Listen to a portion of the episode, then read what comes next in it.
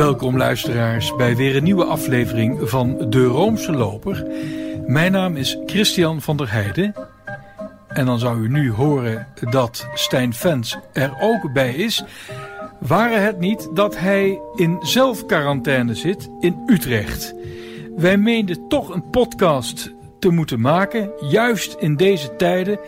Deze podcast zal gewoon doorgaan en gewijd zijn aan deze coronacrisis, deze pandemie. Ik ga nu Stijn opbellen. Bij voorbaat excuses voor de slechte geluidskwaliteit. Want u hoort dan zo meteen een, zo'n telefoonstem, ook van mij. Maar we vonden toch dat we dit moesten laten doorgaan. Ik ga dus nu Stijn bellen.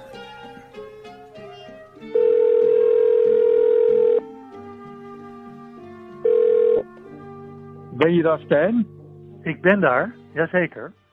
Jij zit in zelfquarantaine. Hoe gaat het met je? Nou, nou het gaat goed hoor. Ik, uh, sinds ik vorige week uit Rome ben teruggekomen, toch een risicogebied, zit ik in uh, zelfquarantaine in mijn uh, appartement in Utrecht.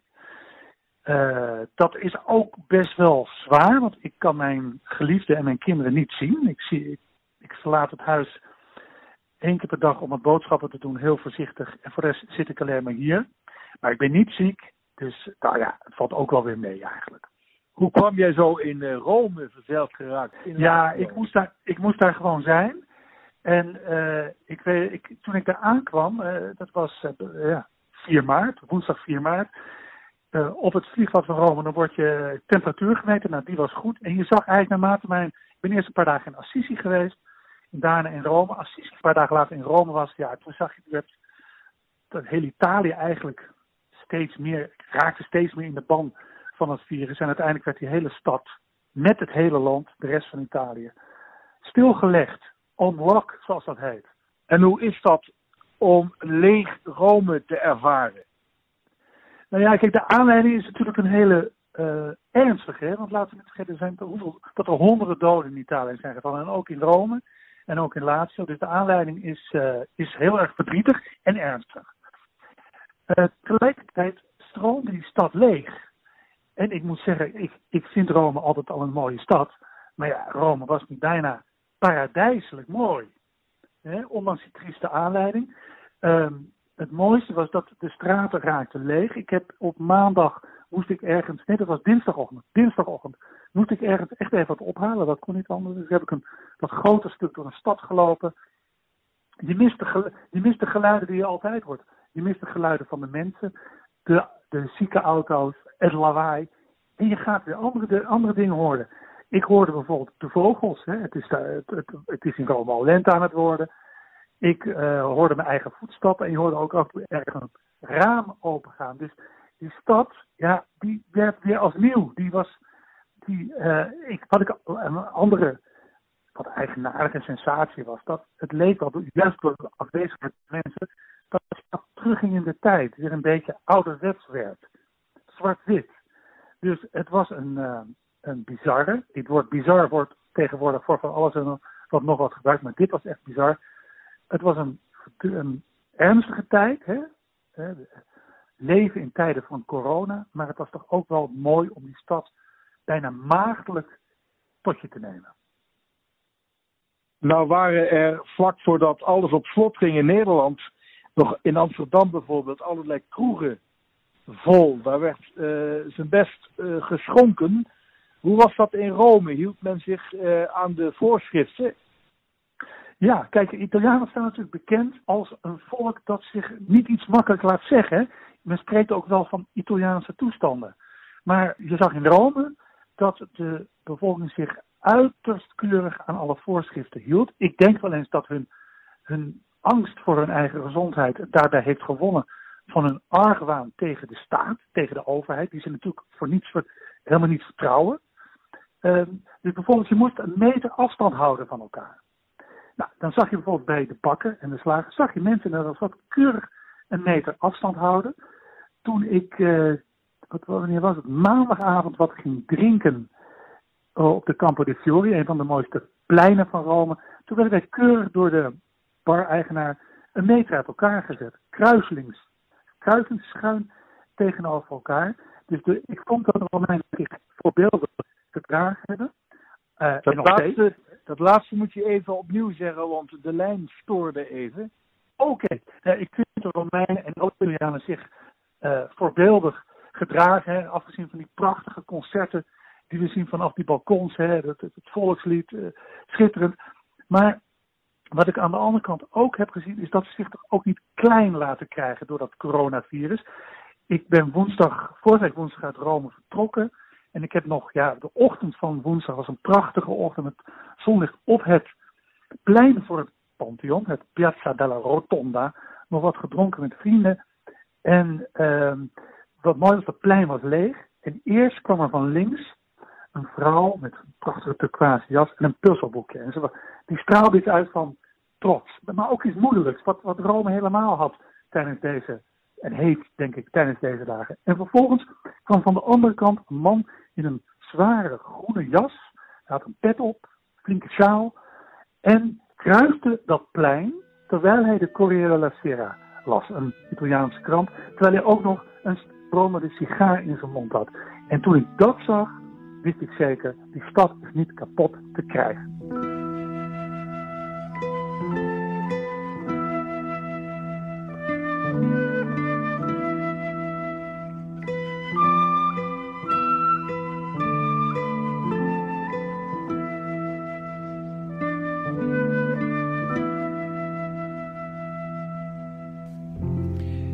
Stijn zit dus in quarantaine. Niet officieel hoor, maar in zelfquarantaine, thuisquarantaine.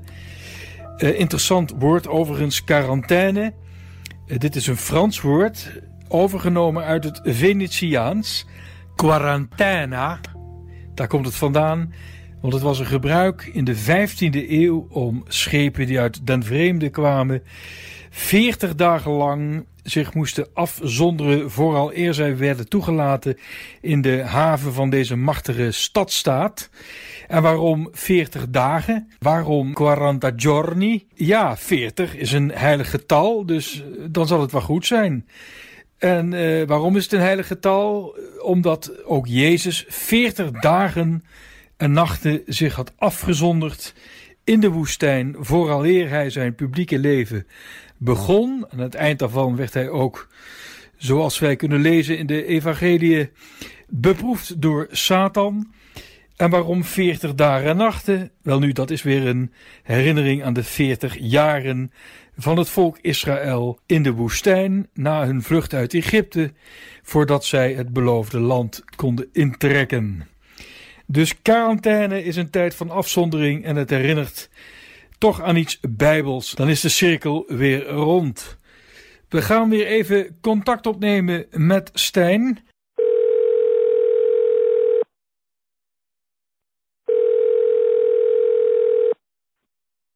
Ja, Stijn, daar ben ik weer. Ja, daar ben ik ook weer. Ja hoor. Ben je toevallig ook bezig met eh, de noveen die op maandag 16 maart is ingegaan tot onze lieve vrouwen ter nood? Nou, nog niet, maar ik, ik sluit niet uit dat ik uh, vanmiddag nog begin met bidden. Want ik vind het wel mooi wat er allemaal loskomt, zo uh, ook in ons land, in deze uh, bijzondere tijden. En hoe vind jij dat de paus zich opstelt?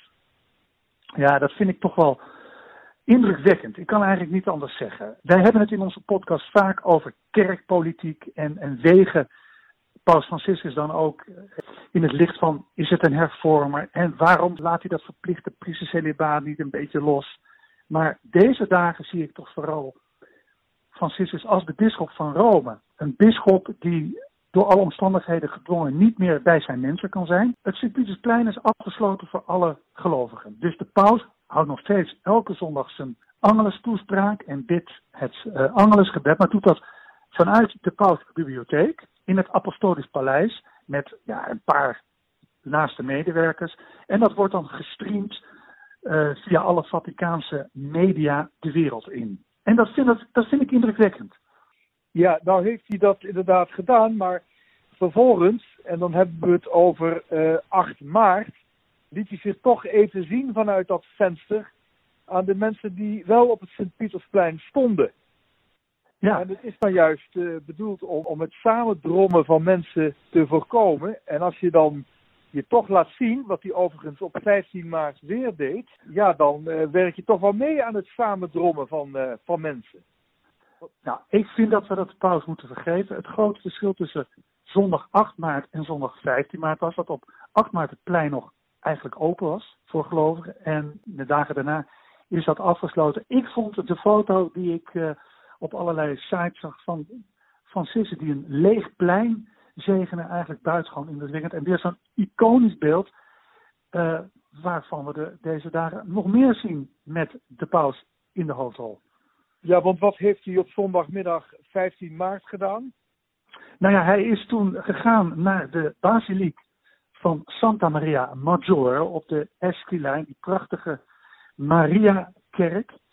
Um, en is daar voor de zoveelste keer in zijn pontificaat gaan bidden bij de Salus Populi Romani, hè, die, Byzantijnse icoon die als titel heeft gekregen Heil van het volk van Rome, eigenlijk al heel vroeg in de vierde eeuw. Het is een bekende icoon voor deze paus, want hij gaat daar ook heen, steeds als hij op reis gaat en ook weer teruggaat. En hij was daar voor het eerst als paus op 14 maart 2013. Dat weet je ook nog wel. Ja, ja deze icoon wordt toegeschreven aan Sint Lucas lijkt mij onwaarschijnlijk, maar toch, toch interessant. Nou ja, Lucas, de legende is dat Lucas ook schilder was. En dat hij ook in de nabijheid van Maria heeft verkeerd. En dus die icoon, hè, die, Byzant, die icoon die daar hangt, die eh, Salus Populi Romani, zou dan van de hand van Lucas zijn. Maar het is niet de enige icoon die toegeschreven wordt aan Lucas. Ik vind dat we in deze tijden van corona daar niet moeilijk over doen. En laten we gewoon zeggen dat het van Lucas is. Dat vind ik ook wel mooi. Want uh, salus populi romani, het woord salus zou je toch ook kunnen vertalen met gezondheid, hè? Ja, heil, gezondheid. En je zou kunnen zeggen dat die Byzantijnse icoon, hè, die in 590 vanuit Kreta naar Rome is gekomen, eigenlijk al eenmaal vaart over de gezondheid, het heil van de Romeinen. Uh, Paus uh, Gregorius de Grote zou iets met die icoon hebben gedaan toen uh, de stad zuchtte onder de pest. Ja, nou we schrijven het jaar 593. He, die icoon was toen een jaar of drie in Rome volgens de overleving. Toen heerste er ook pest. En Gregorius de Grote, ja, die, grote paus, die eigenlijk de paus, die, die, die, die grote paus die de kerk van de antieke tijd naar de middeleeuwen heeft gevoerd, uh, heeft toen een processie geleid van de Santa Maria Maggiore naar de Sint-Pieter om de pest eigenlijk de stad uit te bidden. En wat droegen ze mee in die processie? Die icoon, hè, die van Salus Populi Romani. Nou, dat, dat is ook verbonden met dat beroemde verhaal, dat misschien sommige Nederlanders ook wel kennen, dat op het moment dat ze bij de Engelenburg waren, hè, het, grafmonument, het grafmonument van keizer Hadrianus, dat ze een engel op de, engel op de op die zagen staan, die zijn zwaard in de schede stak ten teken dat de pestepidemie was afgelopen. Vandaar maar, Castel Sant'Angelo. Vandaar Castel Sant'Angelo en de Engelenburg. En uit, uit dank voor het feit dat Michael Rome had bevrijd van de pest, werd er in de omgeving van die Engelenburg allerlei Michaelkerken gesticht. En daar is er nog maar één van over, en dat is de Michael en Manjes, de Friese kerk.